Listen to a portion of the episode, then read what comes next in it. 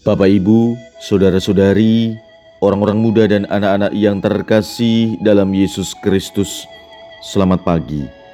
Salam bahagia dan salam seroja untuk kita semua berkah dalam. Bersama dengan saya, Romo Antonius Garbito Pambuaji, menyampaikan salam dan berkat Allah yang Maha Kuasa dalam nama Bapa dan Putra dan Roh Kudus. Amin. Hari ini Kamis, 18 November, dalam hari biasa pekan biasa ke-33. Bacaan pertama dalam liturgi hari ini diambil dari kitab pertama Makabe bab 2 ayat 15 sampai dengan 29. Bacaan Injil diambil dari Injil Lukas bab 19 ayat 41 sampai dengan 44. Pada waktu itu, ketika Yesus mendekati Yerusalem dan melihat kota itu, ia menangisinya, katanya, Wahai Yerusalem, alangkah baiknya andaikan pada hari ini juga engkau mengerti apa yang perlu untuk damai sejahteramu. Tetapi sekarang hal itu tersembunyi bagi matamu. Sebab akan datang harinya, musuhmu mengelilingi engkau dengan kubu, lalu mengepung dan menghimpit engkau dari segala jurusan dan mereka akan membinasakan di kau beserta semua pendudukmu. Tembokmu akan dirobohkan, dan tiada satu batu pun akan dibiarkan terletak di atas batu yang lain, sebab engkau tidak mengetahui saat Allah melawati engkau. Demikianlah sabda Tuhan, terpujilah Kristus. Dalam Injil hari ini kita mendengar bahwa Yesus menangis. Ia menangisi kota Yerusalem, katanya. Wahai Yerusalem, alangkah baiknya andaikan pada hari ini juga engkau mengerti apa yang perlu untuk damai sejahteramu. Tetapi sekarang hal itu tersembunyi bagi matamu.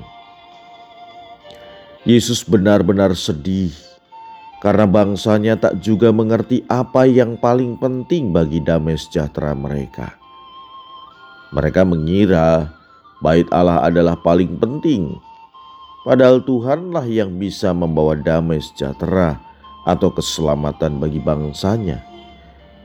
Tangisan Yesus adalah tangisan cinta, kepedulian, dan pergumulan. Ia menangis karena mengharapkan hal terbaik bagi bangsanya namun mereka tidak menangkap dan tidak peduli. Saudara-saudari, Yesus akan menangisi kita apabila kita tidak mampu menangkap saat kapan Tuhan hadir melawat kita. Dia menangisi kita ketika kita tidak lagi memberi tempat di dalam hati kita, di rumah kita, di dalam komunitas kita, atau di tempat kita bekerja ia menangis saat Tuhan tak lagi menjadi pusat hidup atau tak lagi menjadi yang utama dalam hidup kita. Padahal Yesus jelas bahwa Ia sudah menjanjikan kebahagiaan sejati kepada kita. Tetapi nyatanya, dalam kehidupan ini, kita lebih memilih kebahagiaan yang kita ciptakan sendiri. Maka, saudara-saudari, mari kita mencoba mendengarkan apa yang menjadi sabda Tuhan dalam kehidupan kita, yang selalu ingin terbaik bagi kita, agar Dia tidak kecewa dan menangisi untuk kesekian kalinya. Marilah kita berdoa.